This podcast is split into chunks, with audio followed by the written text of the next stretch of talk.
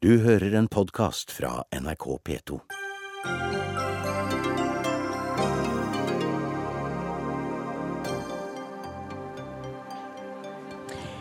De som ligger an til å komme inn på Stortinget i høst, er yngre, mer utdannet og har mindre erfaring fra privat sektor enn dem som sitter der i dag. Blir politikerne en stadig mer virkelighetsfjern elite? Dagsnytt 18 sender fortsatt fra Arendal, hvor studioet vårt nå ligger og bader og dupper i, bader i sol og dupper her i havna. Og vi skal innom flere temaer den neste timen. Regjeringa har sagt at den vil satse på psykisk helse.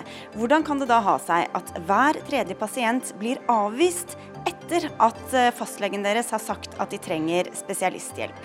Og er det sånn at menn avbryter kvinner i debatter?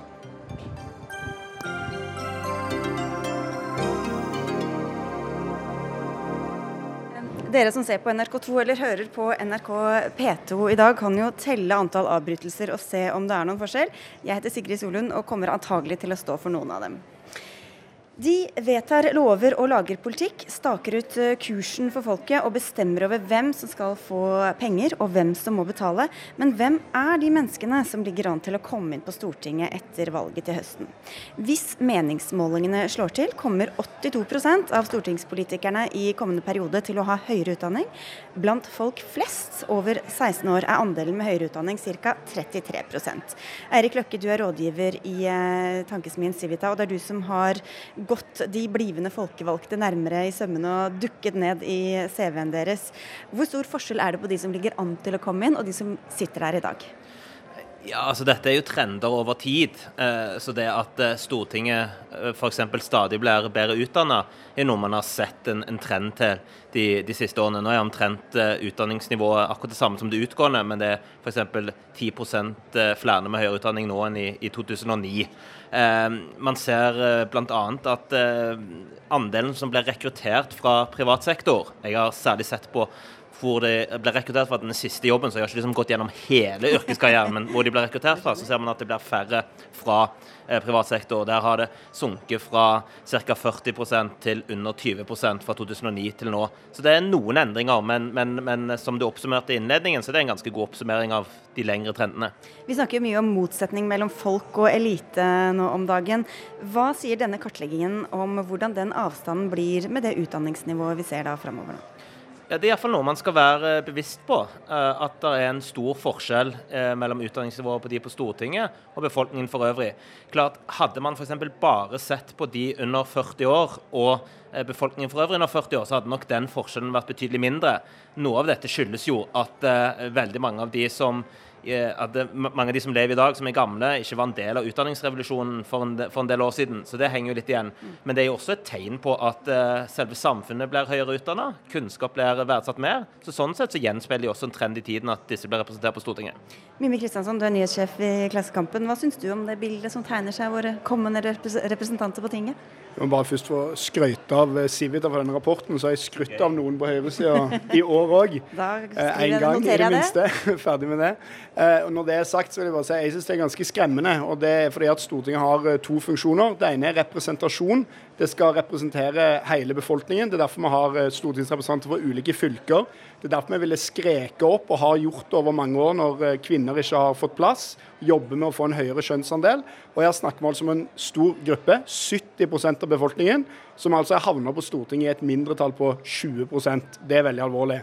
Det andre er jo kompetanse. og det er det at Jeg tror ikke at noen mennesker er allvitende. Ikke de med doktorgrad, ikke de med mastergrad, ikke de med bachelorgrad. Da tror jeg, for å få best mulig kompetanse på Stortinget, må vi ha inn folk som har hatt skoa på, folk som har jobba i industrien, folk som har vært vaskehjelper, folk som har hatt alle de ulike rollene. Helsefagsarbeidere, sykepleiere, callsenterarbeidere. Alt dette her må vi ha inn på Stortinget. Sykepleiere har vel en mastergrad, har de ikke det? Det er godt mulig, men poenget mitt er vi må ha inn folk på Stortinget som har brei kompetanse. Og vi kan ikke bare basere oss på at den kompetansen er smal akademisk, for da får vi dummere storting til sammen enn om vi hadde en større bredde der. Du, Vi har faktisk en med doktorgrad her. Frøy Gudbrandsen, du er politisk redaktør i Bergens Tidende. Hvor bekymra er du over at andelen uh, høyt utdannede folk på Stortinget går opp? Nei, Jeg ikke, blir ikke veldig bekymra av disse tallene. Uh, jeg er egentlig mer opptatt av at Stortinget må være altså, bredt sammensatt generelt. Og det som jeg er bekymra for, er at, det, at uh, stadig flere har en bakgrunn fra interesseorganisasjoner og partier. Og, og, jeg mener at det er veldig viktig at folk også kan komme inn i politikken seint i livet. Og det er det tegn som tyder på at det er ganske vanskelig. Ja, det, er er, det er færre eldre som kommer inn på Stortinget nå med den kartleggingen. Ja, og, det, og, jeg mener altså at Stortinget kan fort bli smalt hvis det, og få mindre kontakt med, med, folk i resten av Norge hvis man stort sett rekrutteres fra eh, partiene, og hvis det er sånn at det stort sett består av folk som begynte i politikken som, som unger, nærmest. Så det, det, er egentlig det som jeg er mest bekymra for. Også, I Bergen så har de nylig gjort en undersøkelse av bystyret der som viser at det er faktisk veldig liten forskjell på Bergens befolkning befolkning og bystyret i Bergen. Og det sier man om at i politikken generelt så er det faktisk ikke så stor forskjell. Så det er nok tydeligere når man kommer til Stortinget enn i partipolitikken sånn generelt. Da. Men hvis du ser på dette med utdanning, Kristiansson, hva er det som er galt med at eh, politikerne har tilegnet seg kunnskap, om det så er på universitetet eller på høyskolen, eller? Det er at universitetet og høyskolen ikke er hele samfunnet. Så det er bra at noen har tilegnet seg kunnskap om universitetet og høyskolen og hvordan det er der, og de fagene de har der. Og så er det bra om noen har tilegnet seg kunnskap fra arbeidslivet, fra privat sektor, fra andre typer jobber. Og det finnes jo et argument som er sånn at vi må ha et kompetent storting, og da må vi velge inn 169 av de smarteste i landet. Jeg er mot den tanken på alle nivåer. Jeg tror heller ikke det sitter de 169 smarteste i Norge på Stortinget i dag. Det er jeg helt sikker på, egentlig. Men utenom det så er det bare å se tilbake på Norges nære historie. Hvem er de store statsmennene i Norges nære historie? Noen av de er f.eks. Einar Gerhardsen, veiarbeider, Per Borten, gårdbruker. Massevis av folk som kommer fra andre typer bakgrunner. Og Det viser politikk det er ikke et fag på universitetet som du kan lære deg til på den måten. Det er å representere interessene til mennesker. Derfor har vi folkevalgte. Og så har vi et byråkrati og jeg vil gjerne at det skal være ansatt folk som er økonomer i Finansdepartementet, men de skal altså være ansatt i Finansdepartementet og gjøre det de folkevalgte ber de om. Og det skal ikke være halen som logrer med hunden, det skal være omvendt. Men det er et større problem at uh, stadig større andel av de som sitter på Stortinget og som gjør det sterkt i politikken, er folk som først og fremst har erfaring fra politikken og ikke fra, fra yrkeslivet generelt. Da. Og jeg syns det er viktigere faktisk at man har politikere som har jobba uh, utenfor politikken, enn at man har folk som har jobba med utdanning. Ja, for Hva viser den kartlegginga du har gjort av Løkke, om hvor disse menneskene har, henter sin erfaring fra? Ja, at Man ser at det er en økende andel som kommer fra det eh, offentlige og interesseorganisasjoner og fra politikken. altså Folk som for har vært ordfører, at politiske verv har vært i politikken lenger. Det er en, det er en økende andel som gjør det. Og det, og det er ikke så rart, vil jeg, vil jeg at fordi at eh, Er du i politikken, så har du et nære nettverk i nominasjonsprosessene. Du kjenner de som det er viktig å kjenne når man skal opp og fram i, i partiet. Eh, og jeg er enig i at selv om jeg ikke er veldig glad i dette broiler-begrepet, fordi at uh, veldig mange av de som blir aktive i politikken tidlig, gjør det for et genuint og glødende engasjement. Uh, men det blir et problem hvis det blir for mange som tenker likt. Og der folk tenker, der folk tenker likt, tenkes det sjelden bra.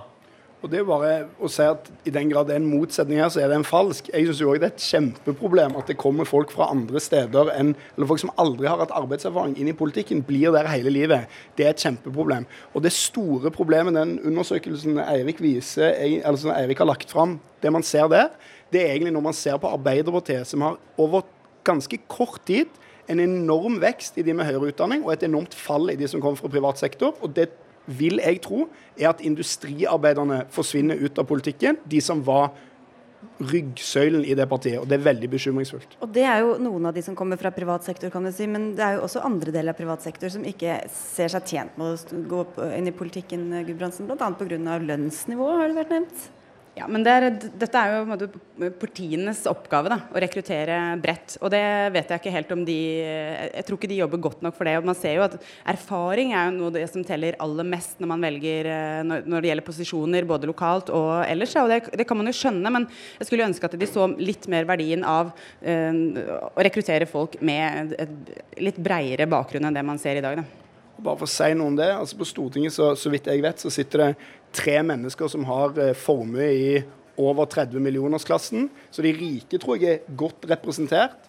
Men ta en gruppe som f.eks. folk som har vært trygda. 300 000 mennesker er uføre i Norge. Det sier selvfølgelig sjøl, er du trygda, vanskelig å drive fulltidsliv i politikken. Men at veldig få har de erfaringene der, som tross alt er en gigantisk gruppe, og som det offentlige har enormt mye med å gjøre, det tror jeg er et stort, uh, alvorlig problem. Hvem er det du savner på Stortinget, da? Løkke? Det er iallfall tydelig at uh, blant de aller eldste, altså de over 60 år, så er de dårligere uh, representert enn hva befolkningen for øvrig skulle tyde på. Vi får en stadig eldre befolkning, men det gjenspeiles ikke på uh, stortingsrepresentantene. Nå er det ikke sikkert at dette har veldig mye å si i praktisk politikk, for det er en ekstremt sterk velgergruppe. Det kommer man til å se nå fram mot valget. Det er veldig få politikere, uansett alder, som tør å gå imot opparbeida pensjonsrettigheter eller hva som helst. Er det bare sånn at man bare representerer det kjønnet og det fylket, altså det, den utdanninga man har? Man, klarer man ikke å se bredere på det? En, en jo, sånn det, selvfølgelig. Altså, man stemmer jo på det partiet. Altså, man stemmer jo på de politikerne man tror best representerer sine interesser, men det spiller jo en liten rolle. Men jeg tror akkurat på alder så tror jeg gjennomsnittsalderen i Stortinget er ganske nøyaktig gjennomsnittsalderen i befolkningen. Så alder der tror jeg det begynner også å ordne seg, og kjønn begynner å komme på plass. Men så er det jo dette andre da, som ser ut som går uh, litt feil vei.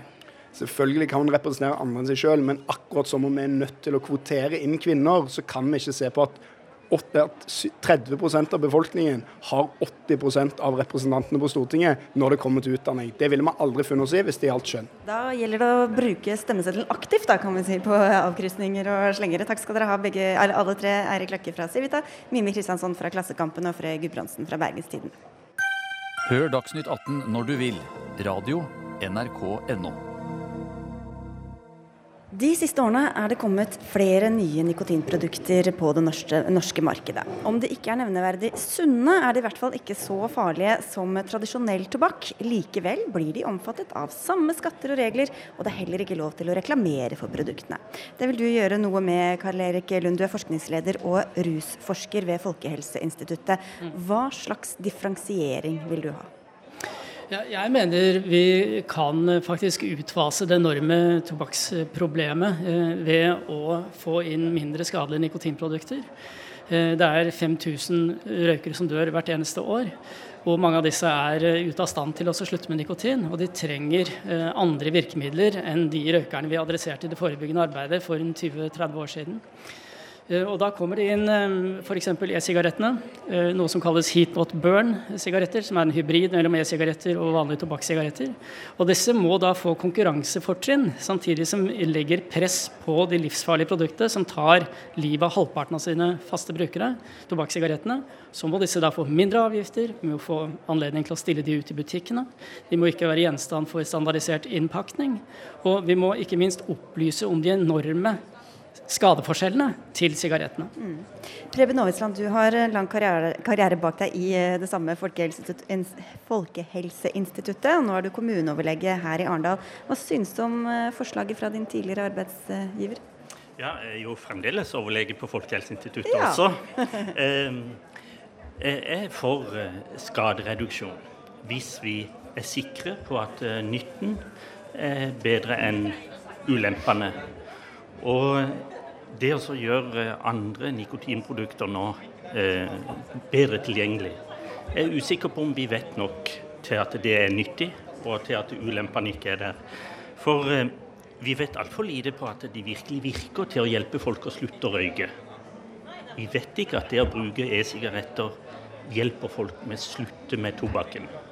Og og det er fem store studier på gang nå som skal hjelpe oss å avklare det. Jeg mener vi kan vente på det. Og vi vet heller ikke at disse produktene er så mye mindre farlige. Disse heat not burn-sigarettene. De inneholder jo alle disse stygge kreftfremkallende stoffer som vanlige sigaretter inneholder. Og e-sigarettene er nokså nye, så om ti år kanskje vi får vite at de også er kreftfremkallende. For å ta det første først, Lund, hvordan kan du være sikker på at eh, det ene erstatter det andre, og ikke bare supplerer? Ja, Det ser vi jo på brukerundersøkelsene. 95 eh, av brukerne av e-sigaretter er jo røykere eller forhenværende røykere. Det er svært få ikke-røykere som finner nytte i disse produktene. og I den grad det er ikke-røykere som begynner med e-sigaretter f.eks., så eksperimenterer de bare. Og vi ser ikke veldig mye eh, regelmessig bruk blant de. Og Eh, siste undersøkelse fra USA tyder da på at 60% av tidligere ikke-røykere som begynner med e-sig, de bruker de nikotinfrie variantene. Så vi snakker altså ikke om en ny generasjon nikotinavhengige her. Men til det andre, da. Hvor farlig det er? Vet ja, vi vet, vi vet, ikke alt. Det har Preben helt rett i. Men vi kan ikke dekke oss bak et føre-var-prinsipp. Da fryser vi nikotinmarkedet. Det vil være det verste. Da vinner tobakksindustrien. Eh, da gir vi markedsfordeler til det aller farligste produktet. Og Det er det vi skal forsøke å fase ut ved disse nye produktene. Men vi vet nok fra kjemiske analyser av innholdet, fra det som pustes ut av brukerne, at dette er langt, langt mindre farlig enn de livsfarlige tobakkssigarettene. Og hvorfor skal det da behandles helt likt? Fordi at eh, det også har noen bivirkninger å slippe løs dette. Det er greit om noen røykere kanskje får hjelp av dette, men, men det er en, en, pågående hype nå i, i Storbritannia, der e-sigaretter er lett tilgjengelige. Så er det jo bare én av 500 røykere, altså to promille, som angivelig har hjelp av dette. Så dette er ikke noen revolusjon i det hele tatt. Men bivirkningene er jo at ungdom som ikke røyker, begynner å bruke dette. Og når de først begynner å bruke e-sigaretter, så viser jo forskningen fra bl.a. USA, Skottland og Canada at veien videre til å begynne med vanlige sigaretter er veldig enkel. Mm. Sånn som vi har sett på, på snusbruken før. Da. Jeg tror vi leser forskningen litt forskjellig. Um, og uh, denne gateway-hypotesen er jo mye brukt. ikke sant? Den ble brukt på narkotika. Altså begynner du med hasj, så ender du på heroin. Fra bagatell og til helvete. Da går alt til helvete. Uh, men det er ikke noe i den, altså. Og, uh, men den brukes jo politisk hele tiden. men det er mer propaganda. Og vi finner ikke noe evidens for at det er en gateway her. Men vi finner stor evidens for at disse nikotin mindre, eh, mindre farlige produktene, de er en exit ut av røykingen. Ikke en gateway inn, men en exit ut. Ja, Det er jo selvfølgelig uenig i at forskningen viser. Det er flere studier nå som viser at det er ungdom som begynner med e-sigaretter, lettere går over til vanlig røyking. Og Da risikerer vi også å skape et nytt problem. Tror du det begynner med e-sigaretter? Altså, er, er, det grunnlag for å si at de begynner rett på e-sigaretter, og så går de over ja, på røyking? Nettopp sånn som en ser i USA, der e-sigarettbruk på high school er blitt et vanlig fenomen. Og som vi ser her i Norge med et annet produkt som Karl Erik er opptatt av, nemlig snus. Der her i byen nå én av syv tiendeklassinger snuser. Helt unødvendig. Du får avslutte her, eh, Lund. Nei, jeg tror simpelthen skal vi forsøke å kvitte oss med eh, tobakksproblemet. Eh, som kommer til å fortsette. Vi har gjort projeksjoner på at det kommer til å være fortsatt ganske mange røykere. Så trenger vi andre virkemidler i det tobakksforebyggende arbeidet. og Der kommer altså skadereduksjon inn, og der kommer disse produktene inn. og Vi kan like det eller ikke, eh, men vi er nødt til å forholde oss til det. Og vi tror vi må gi de konkurransefortrinn i forhold til sigaretten. Vi får se da om ti år om du har endret mening, eh, Preben Novitsland. Så får du komme tilbake da. Ja. Takk skal dere ha, begge to. Karl Erik Lund fra Folkehelsa og Preben Aavitsland, kommuneoverlege i Arendal, og også fra Folkehelsa.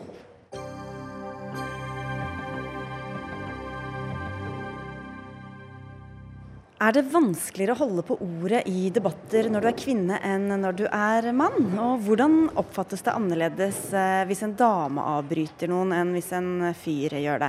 For to dager siden ble valgkampens første partilederdebatt holdt her i Arendal, og i flere sosiale medier ble det sagt at debatten var preget av dårlig debattkultur, og at de avbrøt hverandre. Det dukket også opp et mønster, kunne vi lese i en kronikk i Dagbladet kalt 'Menn som avbryter kvinner'. Og da har vi jo allerede avslørt litt, Håkon Rikles, du er samfunns samfunnsøkonom i den eh, liberale tankesmien Civita vi også hadde inne her i stad.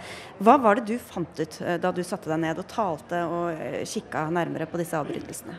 Jeg så debatten mens den skjedde, og stusset over at det var så mange avbrytelser. Og så lurte jeg på om det var gjenfordelt, for det hadde jeg inntrykk av at det ikke var. og det, da satte jeg meg ned og så debatten en gang til og telte. Og det stemte at det var veldig mange avbrytelser. 59 avbrytelser på 1 12 time. Men også stemte også at det var veldig skjevt fordelt, med noen som utmerket seg med særlig mange avbrytelser. Eh, Jonas Gahr Støre hadde 16 avbrytelser, Slagsvold Veum hadde 11, eh, og Lysbakken hadde 9, mens de under var eh, godt under. Og så var det også de som ble mest avbrutt. Det er selvfølgelig de som har mest taletid, blir gjerne mest avbrutt. Så, men det er også et mønster der om at uh, de kvinnelige debattantene ble mer avbrutt. Og jeg mener også, det er litt mer subjektivt, men at de også kom dårligere ut av de, uh, de sekvensene hvor det var avbrudd, enn det mennene gjorde. Og jeg tror det også ble uh, bekreftet av kommentatorenes dom i etterkant. Ja, for der var det jo sånn at De som avbrøt mest, i hvert fall to av dem, var jo de som ble kåret til eh, noen av debattens vinnere. Mm. Ja, Det var nok ikke bare, eller det var nok ikke først og fremst fordi de avbrøt, for de holdt jo gode, eh, gjennomarbeidede innlegg som godt presenterte politikken. Eh, men jeg synes at eh, man burde tatt høyde for at det ikke kun var god retorikk og god argumentasjon som gjorde at de kom bedre ut. Det var også det at eh, de klarte å ødelegge for flyten til sine motdebattanter gjennom til dels usympatiske avbrytelser. Astrid Mæland, du er kommentator i VG. Hvor bevisst var dere på dette da dere trillet terninger etter debatten? Det går jo kjempefort en sånn eh, partilederdebatt, og vi snakka ikke om det i eh, de hektiske minuttene at vi syntes det var noen som avbrøt mer enn andre. Men når du tenker på det nå i ettertid, da? Jeg tenker at det er et poeng at um, kvinner her blir framstilt som mer sutrete og kanskje bitch hvis de avbryter. Og det er jo slik, eh, i hvert fall har jeg det fra rådgiverapparatet til Erna, at hennes strategi er å avbryte minst mulig i den valgkampen her. Og derfor får vi det slik at Jonas avbryter mer enn Erna. Hmm.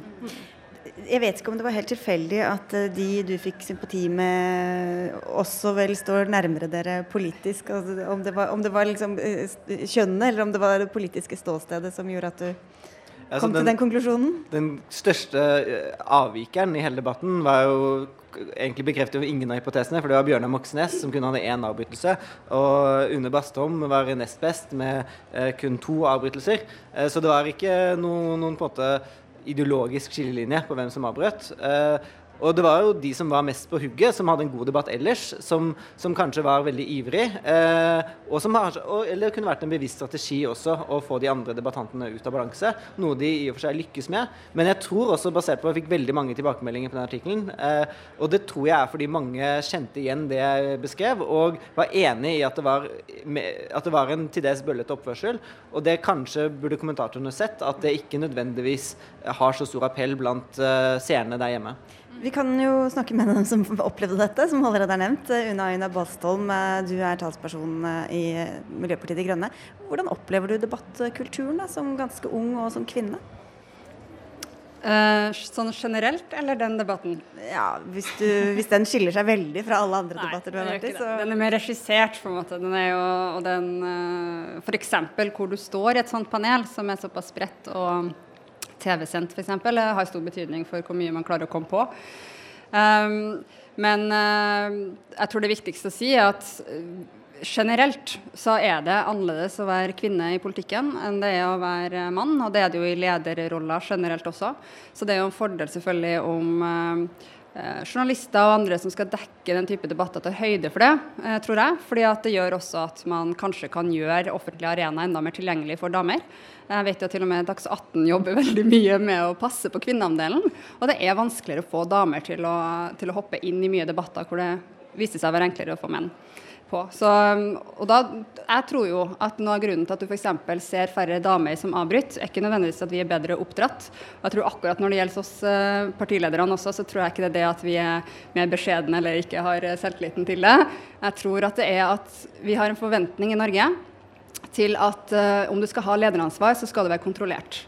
Uh, og ikke liksom bare ikke vise seg for følelsesladd eller miste kontroll. Og jeg tror at vi også har en forventning til at det oftere skjer med damer. Så Derfor straffes damer mer om det skjer. Så om jeg, skulle, eller, jeg eller Erna Solberg skulle avbryte like mye som Jonas Gahr Støre gjorde i den debatten, så ville vi virka veldig ukontrollert. ville virka som vi ikke hadde eh, følelsene på stell. Mm. Vi, kan se, vi, kan se, hva deres UNE, og i mm. VG så skrev vi jo om debatten på VG direkte òg, og jeg skrøt av to av avbrytelsene til UNE, for jeg syns de var veldig gode. Du tok nemlig både Jonas og Erna på miljø.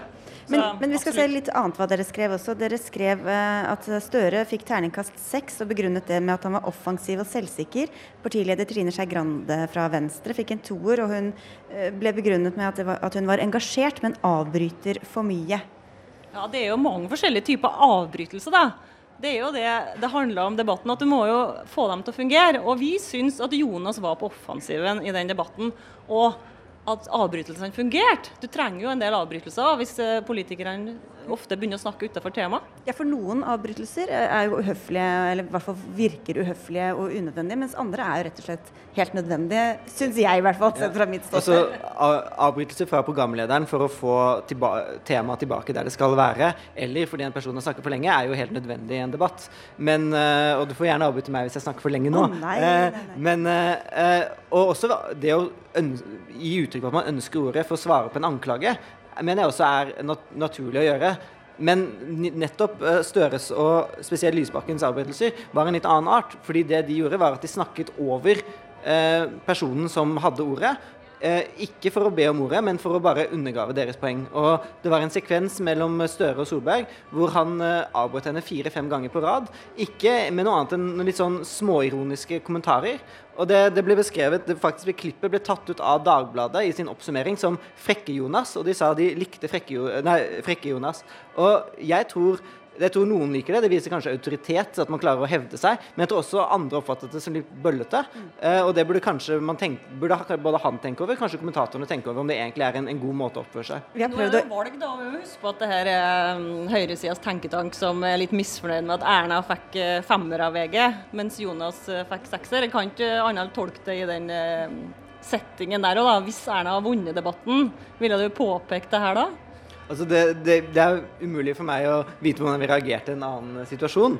Men, eh, men jeg sjekket jo min egen intuisjon om at dette var en debatt med for mange avbrytelser, ved å faktisk gå gjennom og telle. Og tallene, altså min subjektive tolkning av at en avbryter seg mer, mer, eller mindre sympatisk, den kan godt hende er farget, men tallene taler for seg selv. Og andre står fritt til å se gjennom debatten på nytt og telle på nytt. Og kanskje de kommer til litt andre tall, men jeg tror hovedkonklusjonen vil stå seg ganske greit om at noen avbrøt klart mer.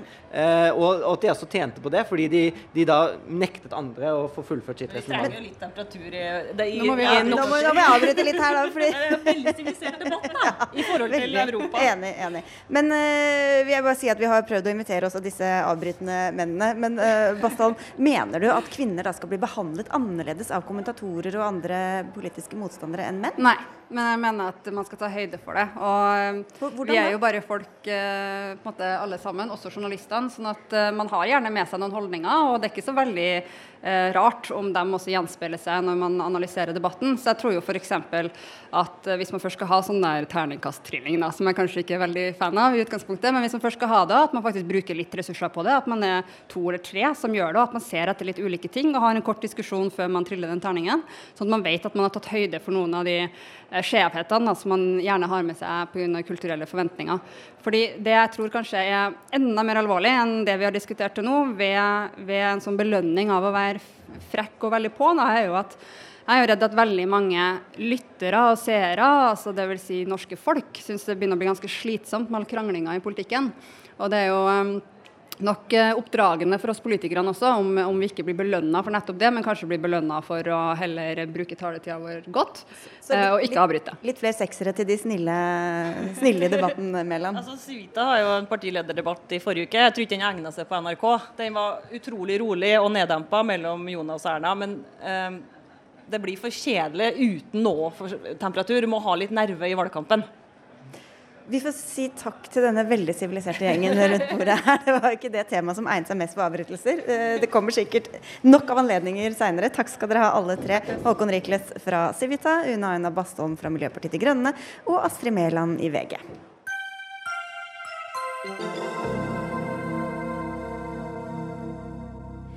Kommune- og fylkessammenslåinga har vært et av regjeringas store prosjekter, og også et av temaene som har skapt mest debatt og bråk i år. Ikke minst gjelder det her hvor vi sitter nå, i Arendal. Her gikk det så hett for seg i regjeringspartiet Frp at en stortingspolitiker stemte mot sitt eget parti på Stortinget og meldte seg ut etterpå. Innad i Aust-Agder har det vært utmeldelser, ekskluderinger, utskjellinger og personstrid. Katrine Lia, du er redaktør i Agderposten. Hva er det vi har vært vitne til? Eh, her i, i Frp Aust-Agder de siste månedene? Nei, det, det, er vel på mange måter et slags eh, distriktsopprør, som ble et distriktsoppgjør mellom to, eh, to eh, stortingskandidater. Ingebjørg Godskesen, som da har sittet åtte år på Stortinget, og Åshild Brun Gundersen, som da stilte til nominasjonsvalg og vant første nominasjonsrunde. Eh, mot Ingebjørg Godskesen med knepen flertall. Eh, så eh, skulle det også da avgjøres i fylkestinget hvorvidt eh, Agder skulle bli ett fylke. og i den prosessen så valgte da Åshild Brun Gundersen veldig overraskende for en del av lokallagene i Aust-Agder Frp å sikre et flertall for et Agder-fylke. Og da starta bråket ja, for fullt. Hva skjedde etter det, da, Vidar Just, du er politisk redaktør i Fedrelandsvennen? Ja, det går ikke an å svare på, på eh, på, noen få sekunder, men det ble et himla rabalder. Eh, og det endte til slutt med at Ingebjørg Godskesen eh, meldte seg ut av Fremskrittspartiet. Og dette handla, om, dette handla både om en nominasjon, det handla om ett Agder. Og det handler etter mitt syn om Frp sin sjel. Hva skal Frp være? Skal det være mer i retning av et populistisk parti, som jeg vil mene at Godskesen eh, har stått for? Eller skal det være et parti som eh, er et ansvarlig regjeringsparti, og som da gjennomfører den reformen som regjeringa sjøl da har gått inn for? Ja, for her var partiledelsen, som for øvrig ikke ønsket å komme hit i dag, eh, også involvert, skal vi tro? Ja, absolutt. Og det er klart, når, når til slutt Ingebjørg Godskesen velger å melde seg ut, så er det etter en langvarig strid eh, som involverer flere aktører i, i partiet. Eh, og det er klart at eh, Åshild Brun Gundersen, som nå er den nye stortingskandidaten, hun har stått for en, en, annen linje politisk i flere saker, ikke minst i dette spørsmålet om regionreform, enn det Godskesen har gjort. Og Hun har også takket nei til å komme, men du er her, den allerede mange ganger nevnte Ingebjørg Godskesen. Du var altså midt i stridens kjerne. Nå er du uavhengig stortingsrepresentant så lenge det varer. Du endte altså opp med å melde deg ut. Hvordan vil du beskrive de siste månedene? Det har vært veldig tungt. Det har vært en, en, en evig jeg skal si for noe tung både avgjørelsen min, og det var tungt å, å, å være sammen med mine kollegaer. For jeg har jo skjønt at jeg var nødt til å gå imot i denne saken. Dette er en sak som jeg har gått til valg på valg etter valg. Jeg har vært ganske krass i mine uttalelser når det gjelder sammenslåing av fylkene, de to alene. Og for meg så ville det vært å miste ryggraden min dersom jeg ikke hadde gjort det jeg gjorde. Men hva med ditt ansvar da, for å både følge den vedtatte politikken eh, på Stortinget, og for å holde personkonfliktene og konfliktnivået nede? Sånn som jeg ser, så er jeg vel den eneste som fulgte det. Det står ingenting i, vårt, eller i FrPs program om en regionsreform. Det står at vi skal legge ned fylkeskommunen. Det står heller ingenting i regjeringserklæringen om at vi skal gå for å slå sammen fylker. Så dette har ikke noen ting med det å gjøre. og Derfor fulgte jeg det løftet jeg hadde gitt til innbyggerne, de innbyggerne som hadde stemt meg inn på Stortinget. Og lojaliteten til partiet, da? Og, og hva med lojaliteten til partiet? Lojaliteten til mine velgere er større enn lojaliteten til partiledelsen. Udjus, ehm, hvorfor blei dette en så betent sak, altså denne fylkessammenslåingen? Hvorfor vekker det så store følelser? Antagelig ikke bare i Fremskrittspartiet, i alle andre partier også. Nei, og en, en, eh, Det er antagelig ikke lett å skjønne ut forbi den landsdelens grenser, men, men eh, det har vært en, en eh, verkebyll i mange tiår. Eh, vi i Vest-Agder, for å si det sånn, eh, og folk som bor i Kristiansand, har sett på fylkesgrensa som en sånn en, en, eh, en overmoden greie som burde vært fjerna for lengst, fordi at Aust- og Vest-Agder har vært tett integrert på mange måter, men fylkesgrensa har vært der som en stengsel. Eh, mens sett fra Arendal, sett fra Aust-Agder, sett fra Godskesens side, så handler det om identitet. Det handler om sykehuset i Arendal, at ikke det skal miste så mange funksjoner til Kristiansand. Og det handler om en, følelse av hvem er vi, hva, hva, hva er igjen? Altså Hvis vi blir en del av et større Agder, så har du Kristiansand som er mer enn dobbelt så stor som Arendal. Så det handler om identitet og, og politiske funksjoner og, og framtida til, eh, til Aust-Agder som, som, en politisk enhet. Og det, det, stikker veldig dypt i deler av Aust-Agder. Jeg, jeg skal spørre Lie, hvordan, hvordan, har det preget Fremskrittspartiet både her i, i eh, Arendal og også i hele Aust-Agder? Jeg tror eh, eh, dette har jo både vært en strid om hva, hva man egentlig mente når man eh, skulle stemme for og mot et fylke. Eh, men så har det jo også blitt en ganske sånn bitter personstrid mellom disse to eh, personene. Det må man jo ha lov til å si. Her ristes det på hodet. Ja, det har i hvert fall eh, Nei. Men det har i hvert fall blitt oppfatta sånn på hver side. Det jeg tror eh, denne siden kanskje har stått litt i veien for, er at Frp Denne kanskje, siden, er det Nei, siden, det denne siden kanskje har stått litt i veien for, er at Frp kanskje ikke har kunnet innkassere så stor politisk gevinst på en del saker som, eh, hvor de har markert seg veldig for landsdelen. Mm. Eh, det gjelder jo både De har sikra nytt fengsel i Aust-Agder, flyplass. Eh, ja, og ikke minst en ny vei mellom eh, Arendal og Tvedestrand østover. Og da er det masse støy som tar bort oppmerksomhet om de gode ja. sakene. Og hvordan kan dette slå ut ved valget, Udius? Ja, Det er det store spørsmålet her i Aust-Agder. Um, for egen del så, så, tror jeg ikke det kommer til å gi så store utslag. Jeg tror det vi har sett begynnelsen på her i Arendalsuka etter partilederdebatten, etter Sylvi Listhaugs mange utspill, det er at de store vindmøllene de er de kraftigste når det kommer til valgdagen. Så er det, så er det i stor grad det som teller. Men det er klart, Aust-Agder Frp har mista mange dugnadskrefter, mange, mange idealister som har jobba for Frp i mange år. Men i det store og det hele, når det kommer til valgdagen, så tror jeg ikke det merkes. Men, for det har vært noen både eksklu eh, eksklusjoner og, og, utmeldelser? Ja, på begge sider. Eh, og eh, så vidt jeg vet, så gikk vel eh, Ingebjørg Godskesen ut på et tidspunkt og sa at hun ikke ønska å drive valgkamp for førstekandidaten før du Men Det var det jo en spesiell grunn til, da. Det må jeg få lov å si. For, to, for, over to år siden så ble det inngått eller Åshild Brun Gundersen kom til meg og spurte om jeg ville støtte henne i den forrige valgkampen som var, og at eh, hun ville støtte meg nå. Og jeg, Hvis du går tilbake på min Facebook-side og sier, så støtter jeg henne virkelig for to år siden. Men det har altså ikke noe med denne striden å gjøre. Det som har med denne striden å gjøre, det er det avgjørelsen som ble gjort på fylkestinget, og det valget som ble gjort av de tre, eh, de tre fylkestingskandidatene. Og Her er det sikkert mange ulike virkelighetsoppfatninger ute og går. Da fikk vi i hvert fall noen av dem, og så får vi følge med spent på hvordan det går i valget. Tusen takk skal dere ha alle tre. Ingeborg Goskesen, tidligere Fremskrittspartiet, Katrine Lia fra Agderposten og Vidar Udjus fra Fedrelandsvennen. Hør Dagsnytt 18 når du vil. Radio NRK Radio.nrk.no.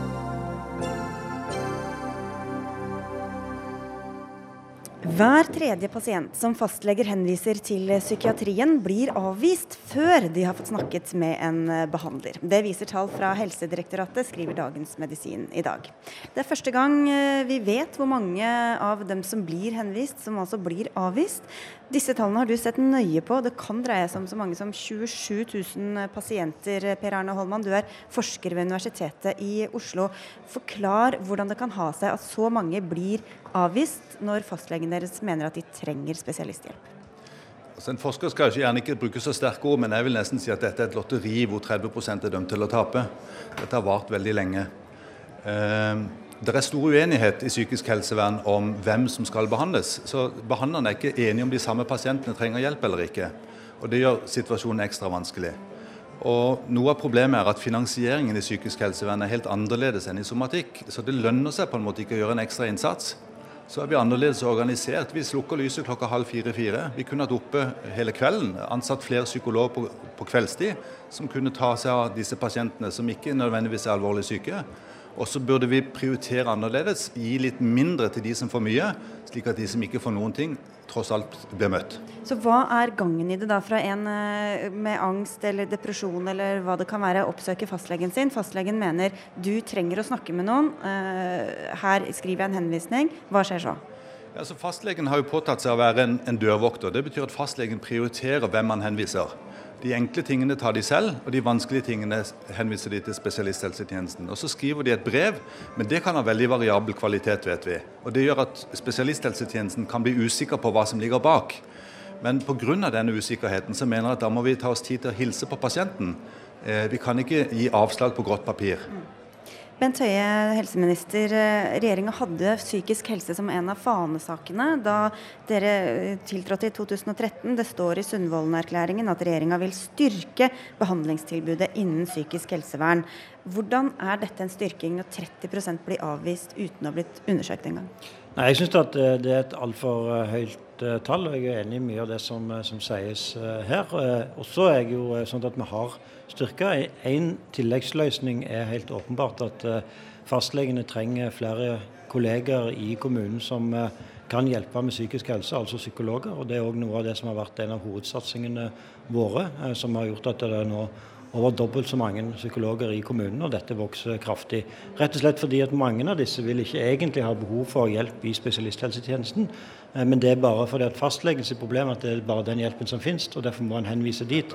Men hadde det vært en eh, psykolog i kommunen, så hadde en egentlig ikke trengt å henvise engang. Kunne bare fulgt den over gangen til døren. og Det er sånn det bør være i framtiden, og det er det vi er i gang i. Men i mellomtiden så mener jeg at det er òg feil det som foregår i dag. Når en fastlege henviser en pasient til psykisk helse, så bør psykisk helsetjenesten ta det på alvor møte pasienten og avklare om eh, pasienten har et eh, behov for hjelp eller ikke. Vi skal høre med noen som ikke har disse tallene på, på, papir, holdt jeg på å si. Altså, Trond Åre, du er overlege ved Nordfjord psykiatrisenter. Og dere løser dette litt annerledes enn mange andre steder. Hva er det dere gjør annerledes ved din avdeling? Jeg tror kanskje det viktigste forskjellen er holdningene vi har til eh, vår egen oppgave og til de som vi skal tjene. Eh, vi tenker jo som så at når en fastlege ber om vår hjelp, så må vi jo se på saken. Og vi tror det er mye bedre service både for våre samarbeidspartnere i kommunene og ikke minst til pasientene våre, at de får møte oss. Så får vi sammen bli enige om hva som er det rette nivået på behandlingen. Så vi eh, avviser vel ja, meget få. Det er alltid noen feilhenvisninger. Men i de sakene hvor vi ikke ønsker å gi et tilbud, så tar jeg heller kontakt med fastlegen og diskuterer saken nøye. Så dere møter dem, og så bestemmer dere hvem som faktisk trenger mest hjelp, og, og tilbyr dem hjelp, eh, hvis, hvis jeg forstår det rett? Men bruker dere da, det er helt riktig. Ja, bruker dere mer penger da enn en andre psykiatriavdelinger? Det, det, tviler jeg veldig sterkt på. Men klart vi har ikke veldig lett for å kunne sammenligne oss. Jeg tror kanskje vi bruker pengene våre litt annerledes enn en del andre avdelinger gjør. Vi eh, har det nå slik at nordfjordinger bruker mindre døgnbehandling enn andre folkeslag i Norge. Og siden vi bruker lite penger på de dyre tjenestene som kommer få til, gode, så kan vi istedenfor sette inn ressursene våre på enkle, lettere tilgjengelige tjenester som flere kan få nytte av. Så vi har prøvd å slanke døgnavdelingene og bygge opp ambulante tjenester og poliklinikk, slik at folk får lett tilgjengelige tjenester på et lavt omsorgs- og lavt kostnadsnivå. Men kan ikke det gå utover de tyngste tilfellene? Det er ikke vårt inntrykk at det gjør det, hvis vi driver god husholdning. Kjersti Toppe, eh, helsepolitisk talsperson for eh, Senterpartiet. Dette er også et felt du har eh, engasjert deg i. Hvordan ønsker du å løse dette problemet? Først vil jeg si at det er helt uakseptabelt eh, den praksisen som er, med at 30% av de som fastlegen spør om en vurdering av spesialisthelsetjeneste av, blir avvist. Det er uakseptabelt, og det er en urettferdig behandling av pasienter med psykisk lidelse. Så har jo Orre fra Nordfjordeid vist at det er mulig å respektere disse pasientene og legge det til grunn i sykehusene sin praksis. Og Det mener jeg resten av Sykehus-Norge må se til. Og så vil jeg også si at det er et um, politisk ansvar å sørge for at psykisk helsevern òg blir finansiert på tilstrekkelig måte. Og nå har vi uh, hatt uh, en nedbygging av psykisk helsevern, døgnplasser. Og Riksrevisjonen har jo òg sagt at ja, det har skjedd, og det har vært politisk og faglig villa. Men Eh, det har ikke skjedd en økning i kommunene eller i polikliniske tilbud men som altså, har kompensert sa jo at det var blitt flere, flere, psykologer i kommunene. Ja, det har blitt flere psykologer, men ikke tilsvarende den nedbyggingen som har skjedd i psykisk helsevern. Så psykisk helsevern på sykehus har eh, hatt eh, et eh, sterkt effektiviseringskrav, eh, og kanskje det er en grunn til at eh, en avviser pasienter. Det er feil måte å gjøre det på. Men vi skal òg ha respekt for eh, at de har ansvaret for mange tunge pasienter. Høie skal få svare først, for du, du, du la altså bare fram halvparten av virkelighetsbeskrivelsen i stad. Nei, det er jeg ikke enig i. fordi at den omleggingen som Åre beskriver fra Nordfjord, det er jo den retningen psykisk helse i Norge skal ta. Og det er der uh, Kjersti Toppe er en av de største bremseklossene. Fordi hun kontinuerlig uh, vil verne om døgntilbudene. Men jeg er opptatt av at eh, vi faktisk i Norge har eh, fortsatt veldig mange som er eh, innelagt i psykisk helse over lang tid, mm. sammenlignet med andre land. Jeg mener at Hvis vi klarer å gi hjelp tidligere, sende òg spesialisthelsetjenesten sånn som en gjør i Nordfjord, større grad ut og jobbe sammen med kommunen i team, så er det en modell. og Derfor så legger vi nå om noen få dager fram en nasjonal strategi for psykisk helse, der dette blir en av retningene som vi ønsker tjenesten skal gå.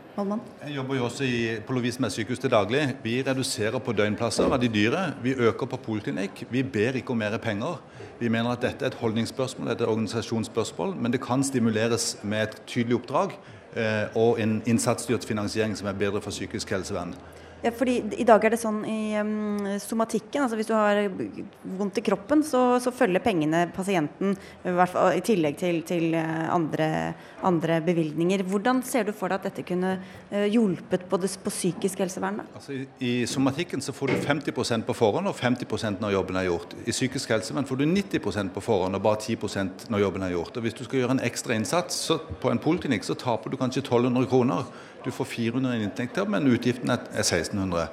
Så hvis vi kunne eh, liksom eh, få mer per stykk, så kan vi ansette flere av disse psykologene som foreløpig. For det er mange psykologer som vil gjøre en ekstra innsats for disse pasientgruppene. Vi har 40-50 stykker som jobber på kveldstid på Lovisenberg, og vi er oppe til klokka 20 hver kveld.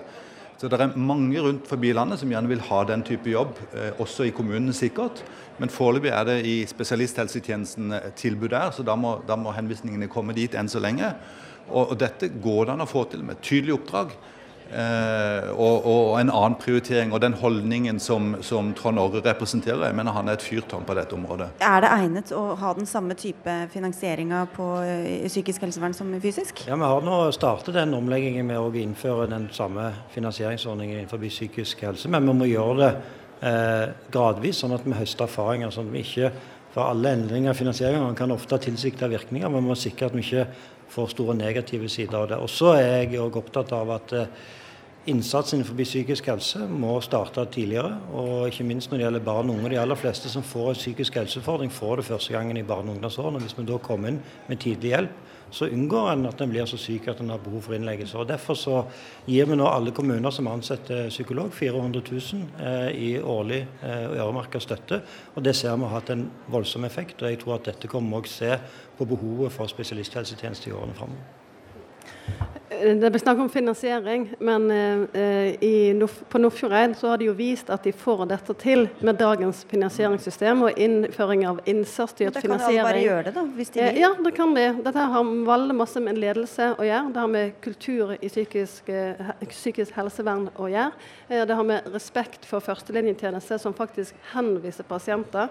Eh, og jeg mener at en kunne vært tydelig fra helseministerens side og sagt til sykehusene at det, det er faktisk ikke akseptabelt at dere avviser 30% av pasientene. Dere kan eh, raskest mulig innføre et system der en faktisk tar imot pasientene, gir det en vurdering, og så kan en heller henvise dem tilbake igjen. eller et annet oppfølgingsopplegg. Og så vil jeg si at uh, Høie, når han kom til makta, så gjeninnførte han det som blir omtalt som den gylne regel.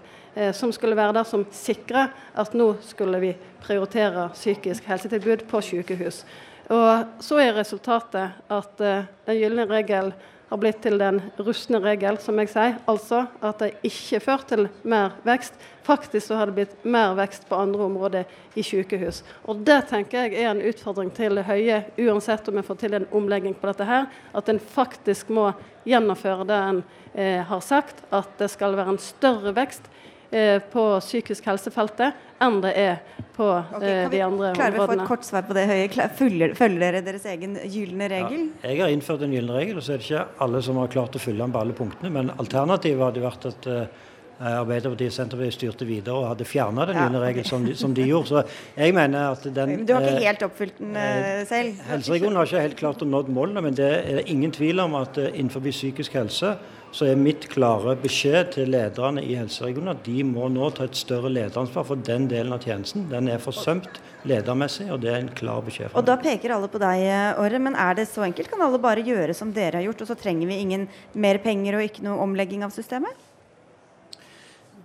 Det som vi har gjort, har ikke kostet noe penger. og til de folkevalgte vil jeg jo si at man, Hvis man ville være klarere i styringen og stille høyere krav til tjenesten, så ville man kunne bedre tjenesten til folk uten at det kostet noe som helst. Eh, jeg er jo enig i at eh, en, en, økonomisk stimulans kunne vært hyggelig, men, men, først og fremst så er det ikke ressursmangel som er problemet i psykisk helsevern, men måten vi forvalter ressurser på, og måten vi driver husholdning på. Så jeg vil mye heller styres av verdier som dreier seg om grunnlaget for virksomheten vår, og hva vi prøver å oppnå på fellesskapets vegne, enn å bli styrt av pengesekken. Ja, Holman. Ja, jeg mener som Åre, men det er altså innretningen. Vi ber ikke om mer penger, men det er innretningen. Og innretningen skal ha et tydelig signal om, om et skifte i prioritering og verdier. Da får du sende brev, Bent Høie. Be alle det, det, se til Det blir ikke bare brev. Vi kommer til å se lederne og styrelederne dypt inn i øynene når dette formidles. Det kan jeg være sikker på. Takk skal dere ha for at dere kom til Dagsnytt 18, eh, Per Arne Holman fra Universitetet i Oslo, helseminister Bent Høie, Kjersti Toppe fra Senterpartiet og Trond Orre, som også er overlege ved Nordfjord psykiatrisenter. Dagsnytt 18 på NRK P2 og NRK2. Bistandspolitikken er blitt satt eh, under lupen her i Arendalsuka. Tidligere år gikk Kristelig Folkeparti sammen med flere opposisjonspartier og stemte fram et forslag for en bedre bistandspolitikk. Forslaget var basert på partiets eh, egen utviklingsmelding fra i fjor, og springer ut eh, fra en misnøye med regjeringas bistandspolitikk. Hilde Frafjord Jonsson, du er generalsekretær i Kristelig Folkeparti. Hva er galt med hvordan bistandspolitikken har utviklet seg de siste årene? Jeg må først gi regjeringen honnør for to ting. Det ene er at de har eh, tatt en eh, viktig rolle i kampen for utdanning globalt, utdanning for jenter, og sørget for mye økte bevilgninger der. Det er i tråd med det jeg gjorde den gangen jeg satt i utviklingsministerjobben. Og det er bra. Og det andre er at de har videreført en veldig sterk helsesatsing som den foregående regjering bidro med. Så på de punktene der så er det stor enighet på tvers av Stortinget, og det har også vist seg i behandlingen av disse forslagene. Men vårt ankepunkt har vært tre ting.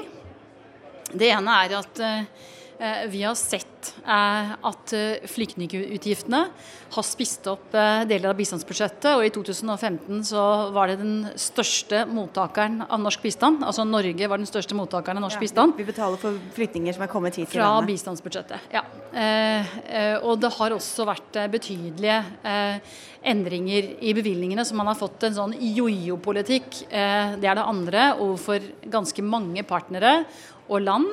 Tredje- Jojo-politikk, altså det er uforutsigbart. Det Ja. går opp og ned. Uh, Uganda hadde bevilgninger på 300 millioner ett år. Neste år var det kuttet uh, ned til 100 millioner, bare som ett eksempel. Uh, og Kirkens Nødhjelp og andre har opplevd det samme når det gjelder Afghanistan. altså Veldig store svingninger i bevilgningene og uforutsigbarhet, sånn at Norge ikke lenger er en partner eh, man kan stole på. Eh, Og det tredje og kanskje aller viktigste for oss, det er jo fattigdomsorienteringen. Vi opplever at eh, en har eh, både er det klart dokumentert at mer penger går til mellominntektsland, altså land som har det litt bedre enn de fattigste landene. Så opplever vi også at egeninteressene styrer bevilgningene mer enn det gjorde før. Eh, og de forholdene her var det som gjorde at vi satte i gang arbeidet med utviklingsmeldingen og fremmet den, og fremmet alle disse forslagene i Stortinget, som, det, som vi fikk flertall for, mange av dem da. Her var det mye å ta tak i. Heidi Nordby Lunde, det er ikke så mange som vet at du er bistandspolitisk talsperson. Det er du vel strengt tatt heller ikke, men eh, her og nå så er du det. Litt av hvert her under eh, Arendalsuka. Eh, Dere bortprioriterer fattige land, det er uforutsigbart. Bistandskompetansen forvitrer. Hvorfor vil dere ha en sånn utviklingspolitikk? Vel, altså Jeg har stor respekt for Hilde Frafjord Johnsen som, eh, som politiker på dette eh, feltet. Og KrF har fått mye gjennomslag eh, og er en god samarbeidspartner med Høyre på nettopp bistand. Men det er ikke slik at KrF sitter med den hele og fulle sannheten når det gjelder bistandspolitikk. Det, vi er også andre som har et sterkt engasjement og forhåpentligvis også kunnskap om det. Og hele målet med norsk bistandspolitikk er å lindre nød og bekjempe fattigdom. Og vi får konsekvent tilbakemeldinger ute. Og vi har også fått ros her under Arendalsuka på at vi bokser over vår vektklasse både når det gjelder bistand og når det gjelder eh, klima. Og i, når det gjelder eh, utviklingsmeldingen, så deltok jeg selv i den debatten i, eh, i Stortinget, og det var bred enighet om de store linjene og de store satsingene denne regjeringen har gjort. Og det er som Hilde Frafjord Johnsen sier, det, eh, Norge har bidratt til et globalt løft når det gjelder da satsing på utdannelse til jenter og kvinner, og Erna Solberg har blitt utpekt som, som lead på det fra FN. Eh, Ja da, men helse er fulgt opp, klima er fulgt opp, og så har vi også lagt et press på det med jobbskaping og, og næringsliv. fordi at eh, landet selv må kunne bidra og, til sin egen og mobilisere ressurser for å få utvikling.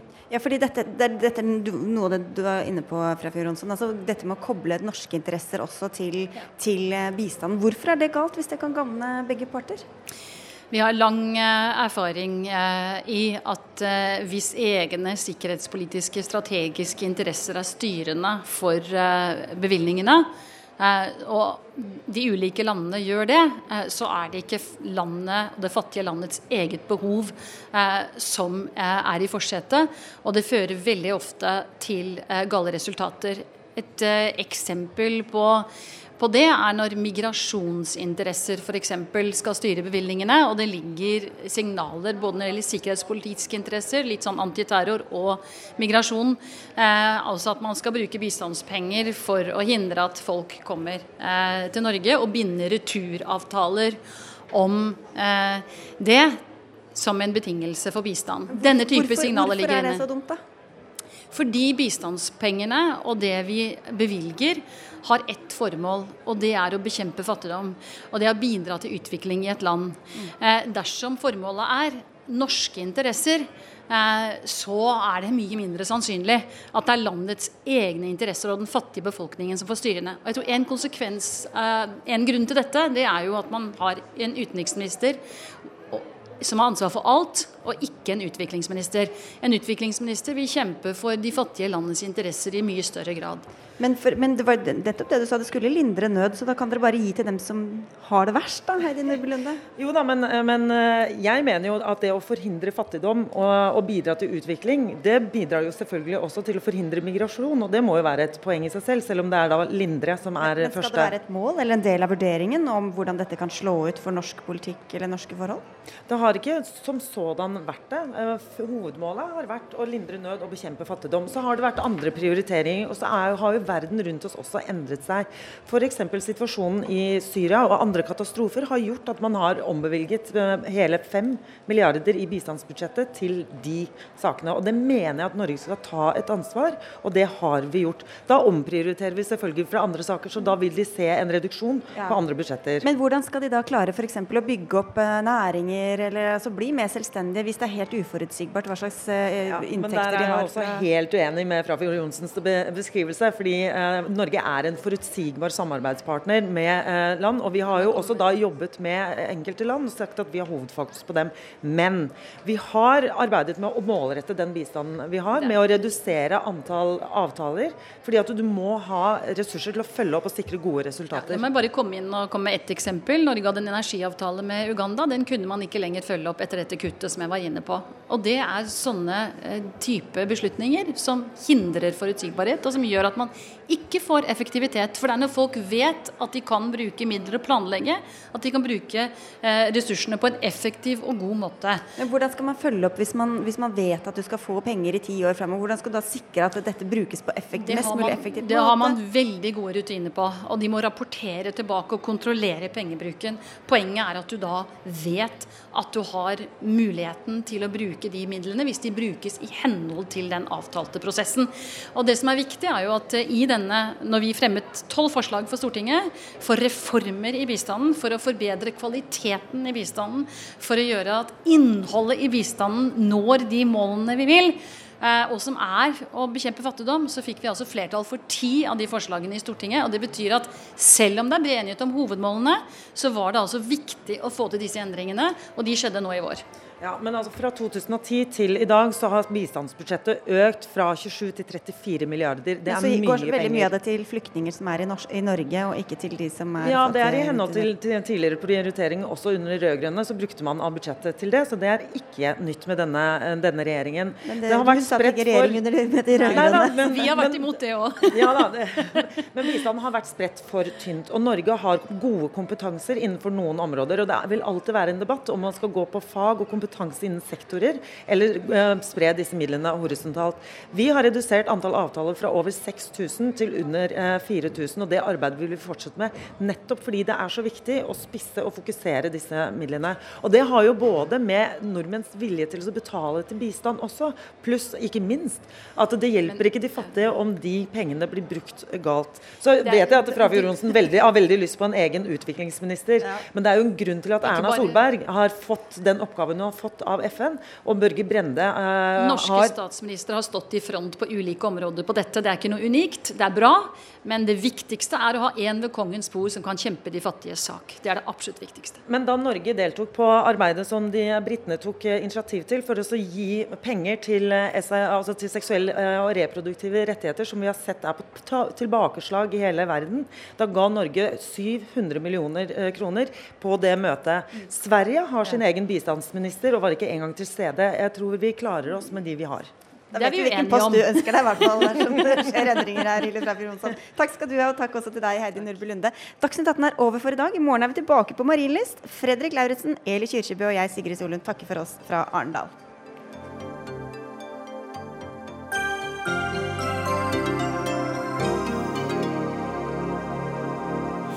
Politisk valgkvarter.